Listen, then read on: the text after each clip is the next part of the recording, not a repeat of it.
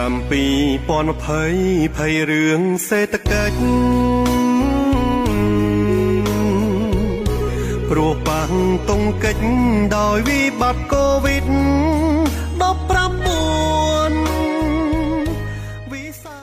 លោកអ្នកនាងនិងប្រិយមិត្តអ្នកស្ដាប់ជាទីមេត្រី វិស័យកសិកម្មរួមមាន ដូចជាការចិញ្ចឹមសត្វចិញ្ចឹមត្រី និងការដាំដំណាំជាដើម វិស័យនេះនៅតែជាឆ្អឹងខ្នងដ៏សំខាន់មួយ សម្រាប់គ្រប់គ្រងដល់ការរីកលូតលាស់ផ្នែកសេដ្ឋកិច្ចរបស់កម្ពុជា ហើយមិនត្រឹមតែបានចូលរួមចំណែកក្នុងការអភិវឌ្ឍរបស់ប្រទេសប៉ុណ្ណោះទេតែថែមទាំងបាននឹងកំពុងដើរតួនាទីយ៉ាងសំខាន់ក្នុងការកាត់បន្ថយភាពក្រីក្រធានាបាននៅសន្តិសុខស្បៀងនិងសុវត្ថិភាពចំណីអាហារយោងតាមសារាចរណែនាំរបស់ក្រសួងកសិកម្មរុក្ខាប្រមាញ់និងនេសាទ អំឡុងខែកក្កដាឆ្នាំ2020ស្ដីពីការបង្កើនយុទ្ធនាការជំរុញផលិតកម្មកសិកម្មក្នុងគោលបំណងបំផុសប្រជាកសិករនៅតាមមូលដ្ឋាន ដែលមានសក្តានុពលផលិតកម្មកសិកម្មឲ្យធ្វើការដាំដុះស្បៀងចិញ្ចឹមសត្វនិងវារីវប្បកម្មស្របតាមបច្ចេកទេសបែបទំនើបដើម្បីបង្កើនផលិតកម្មស្បៀងប្រកបដោយគុណភាព និងសុវត្ថិភាពសម្ដៅរួមចំណែក បង្កើតនៅឱកាសការងារនិងប្រាក់ចំណូលដល់ប្រជាពលរដ្ឋនៅជនបទសូមលោកអ្នកនាងស្ដាប់បទយកការរបស់វិទ្យុជាតិកម្ពុជា ស្ដីពីក្នុងបរិបទ COVID-19 កសិករងាកមកជ្រើសរើសការដាំដុះដំណាំបន្លែចម្រុះដើម្បីផ្គត់ផ្គង់តម្រូវការទីផ្សារដូចតទៅថាភិបាលឈឺឆ្អើប្រចាំឃើញវិ ស័យកាំងសេកម្មមានកាលានុវត្តភាពផ្ដល់អនុសាសន៍បំផុសផើញៀតលោកអ្នកនាងស្ដាំជាទីមេត្រី បច្ចុប្បន្ននេះប្រជាកសិករភៀកច្រើន មានការយល់ដឹង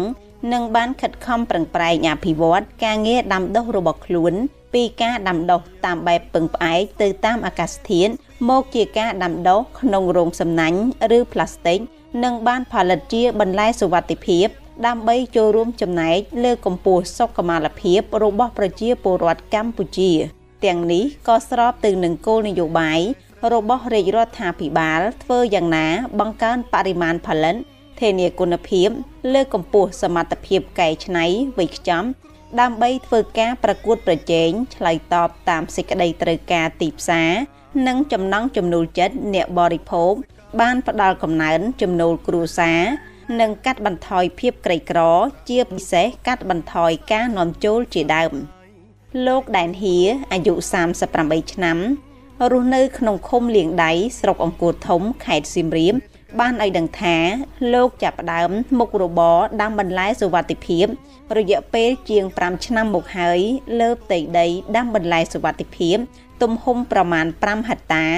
និងអាចផ្គត់ផ្គង់បន្លែទៅតាមតម្រូវការរបស់ទីផ្សារមុនពេលវិបត្តិនៃជំងឺ Covid-19 ក្នុងមួយថ្ងៃក្រុមរបស់លោកអាចលក់បន្លែបានប្រមាណ10តោនទៅតាមការបញ្ជាទិញរបស់អតិថិជន ប៉ុន្តែដោយសារវិបត្តិនៃជំងឺ Covid-19 ធ្វើឲ្យមានផលប៉ះពាល់ដល់ការដាំដុះដំណាំកសិកម្មរបស់លោកយ៉ាងខ្លាំងព្រោះអត្រាបញ្ជាទិញក៏មានការធ្លាក់ចុះលោកបន្តថា ដើម្បីឆ្លើយតបនឹងតម្រូវការទីផ្សារដែលមានភាពចង្អៀតក្នុងបរិបទ COVID-19 នេះលោកជ្រើសរើសការដាំបន្លែលើទំហំផ្ទៃដីដដែលតែត្រូវបន្ថែមដំណាំឲ្យបានច្រើនមុខជាងមុន ដើម្បីងាយស្រួលក្នុងការលក់ចេញ ដោយបច្ចុប្បន្នលោកមានដាំបន្លែគ្រប់ប្រភេទសម្រាប់លក់ចេញឲ្យទីផ្សារក្នុងស្រុក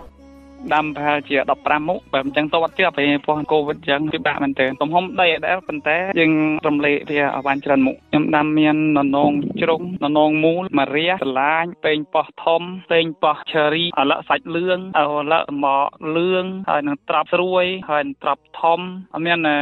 លហុងលហុងប្លែហើយនឹងលហុងទុំហើយនឹងម្ទេសដែលនាងដោយសារកាលដែលមុនកូវីដដីចំនួន4 5ហាត់អញ្ចឹងយើងដាំតែ2ឬ3មុខគឺតិជនយើងយកអស់ដល់សម័យ Covid មកចាប់ពី2019មកយើងខាតធំម្ដងដោយសារពុក Covid ធ្លាក់មកទាំងទៅការដាំមួយមុខមួយមុខធ្វើឲ្យយើងនឹងវាខាតវាចាល់ទីផ្សារពណ៌ទំហំទីផ្សារវាទូចជាងមុនអញ្ចឹងយើងសូចចាត់ទំហំដីអដែលតែយើងបំបែកមុខឲ្យបានច្រើនដល់ពេលអញ្ចឹងទៅវាធ្វើឲ្យចំនួនបន្លែមួយមុខមួយមុខហ្នឹងវាតិចតិចមកវិញអញ្ចឹងវាផ្គត់ផ្គង់លើទីផ្សារវាអត់ចាល់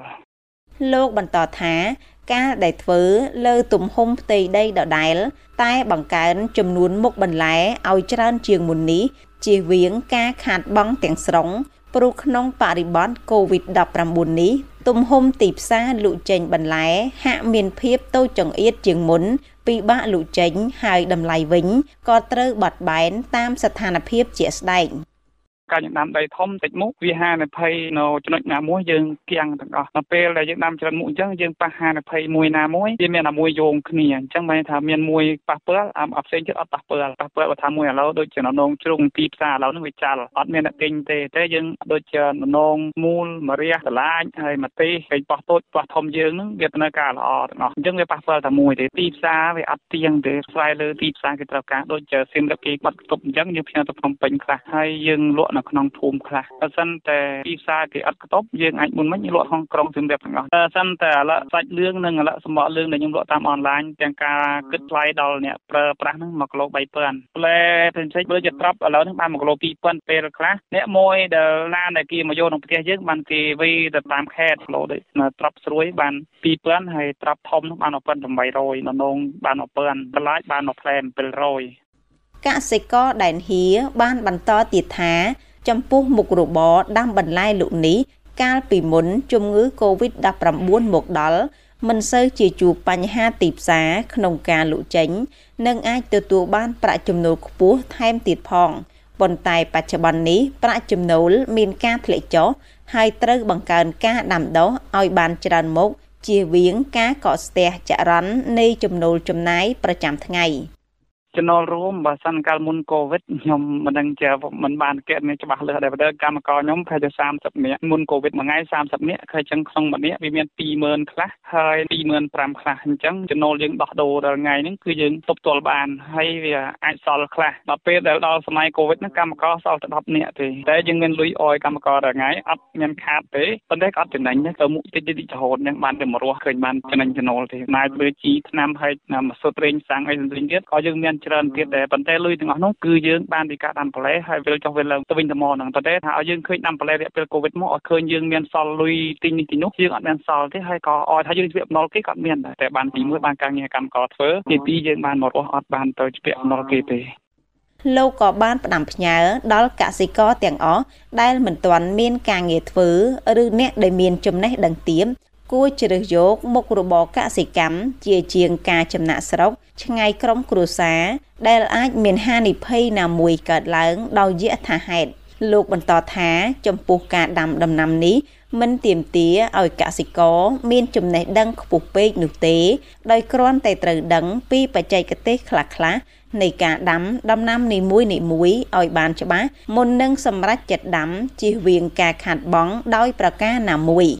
កសិករដែលជាអ្នកអត់មានការងារធ្វើហើយដែលអ្នកគ្មានចំណេះដឹងយើងអាចប្រកបមុខរបរកសិកម្មជាលក្ខណៈគ្រួសារបានដែរបន្តដល់ថ្នាក់ជីវកម្មដូចពួកខ្ញុំហើយអាចមករស់បានហើយរកចំណូលបន្ថែមបានដោយមិនចាំបាច់ទៅធ្វើការងារចំណាក់ស្រុកក៏បានដែរព្រោះហើយចំណូលដែលយើងធ្វើពីកសិកម្មវាមិនតិចពេកទេហើយយើងអាចមករស់បានហើយអាចមកចិញ្ចឹមគ្រួសារយើងបានមួយទៀតសំខាន់យើងចង់ដាំអ្វីមួយត្រូវសិក្សាវាឲ្យច្បាស់ស្ទួគេឲ្យច្បាស់សិនពីព្រោះថាចេតតិនៃការដាំបន្លែនីមួយៗអត់ដូចគ្នាទេបើសិនយើងនិយាយទ្រឹស្ដីថាកសកម្មទិសដៅរួមនិយាយមកថាដូចគ្នាអត់ដូចគ្នាទេព្រោះបច្ចេកទេសវាខុសគ្នាពេញប៉ោះផ្សេងហើយមកទេសផ្សេងត្រប់អីយើងយើងនិយាយចំគឺបន្លែនីមួយៗគឺបច្ចេកទេសរបស់វាគឺមានលក្ខណៈពិសេសខុសៗគ្នាបើយើងនិយាយទិសដៅរួមដូចគ្នាប៉ុន្តែទិសដៅអនុវត្តអត់ដូចគ្នាទេវាមានលក្ខណៈពិសេសរបស់វាខុសៗគ្នាបន្តិចបន្តិចដែលធ្វើឲ្យយើងដាំទៅជោគជ័យច្រើនតែបើសិនយើងយកទិសដៅរួមមកប្រើយើងអត់សូវជោគជ័យទេ ជាមួយបញ្ហានេះផងដែរលោកហៃវាសនាអនុប្រធានមន្ទីរកសិកម្មរុក្ខាប្រមាញ់និងនេសាទខេត្តសៀមរាបបានឲ្យដឹងថាកសិករដែនហៀបានខិតខំប្រឹងប្រែងក្នុងការដាំដុះបន្លែសុវត្ថិភាពរបស់ខ្លួនលក់ទៅកាន់ទីផ្សាររហូតបានក្លាយជាកសិករគំរូមួយ លោកបន្តថាដើម្បីជំរុញការប្រកបរបរកសិកម្មឲ្យកាន់តែជឿនលឿននិងមានភាពងាយស្រួល មន្ទីរកសិកម្មខេត្តបានផ្ដល់ទាំងវគ្គបណ្ដុះបណ្ដាលពីបច្ចេកទេសនិងសម្ភារៈកសិកម្ម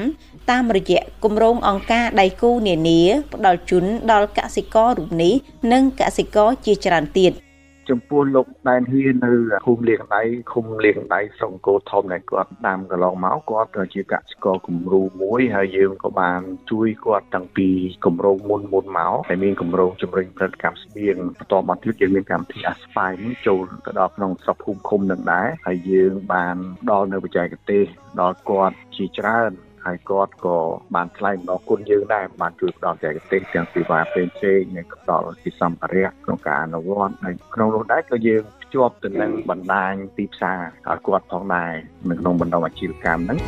ធានាឲ្យបានសន្តិសុខស្បៀងផលិតឥតលៀងធនធានមានបំរងទុក លោកអ្នកនាងស្ដាំជាទីមេត្រី ដំបូងឡើយលោកដែនហៀមានមុខរបរជាជាងសំណង់រយៈពេល15ឆ្នាំមកហើយតែក៏បានសម្រេចចិត្តបោះបង់ចោលការងារនេះព្រោះប្រាក់ចំណូលមិនអាចផ្គត់ផ្គង់ជីវភាពគ្រួសារបាន ហើយក៏ងាកមកចាប់យកមុខរបរដាំបន្លែលក់ដើម្បីទប់ទល់ការចំណាយក្នុងគ្រួសារវិញ បច្ចុប្បន្នក្រុមរបស់លោក មានផ្ទៃដីដាំបន្លែសុវត្ថិភាព ទំហំប្រមាណ10ហិកតា និងអាចផ្គត់ផ្គង់បន្លែទៅតាមតម្រូវការរបស់ទីផ្សារមុនពេលវិបត្តិនៃជំងឺ Covid-19 ក្នុងមួយថ្ងៃក្រុមរបស់លោក អាចលក់បន្លែបានប្រមាណ10តោន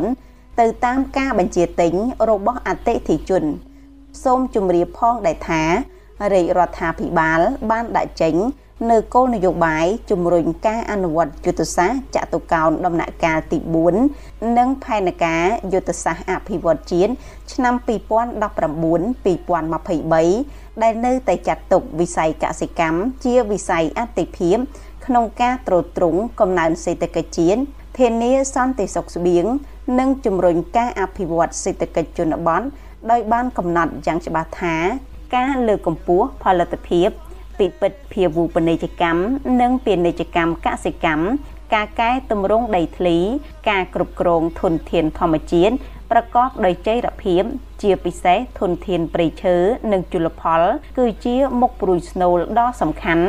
ដើម្បីចូលរួមជំរុញកំណើនសេដ្ឋកិច្ចនិងការកាត់បន្ថយភាពក្រីក្ររបស់ប្រជាជនកម្ពុជា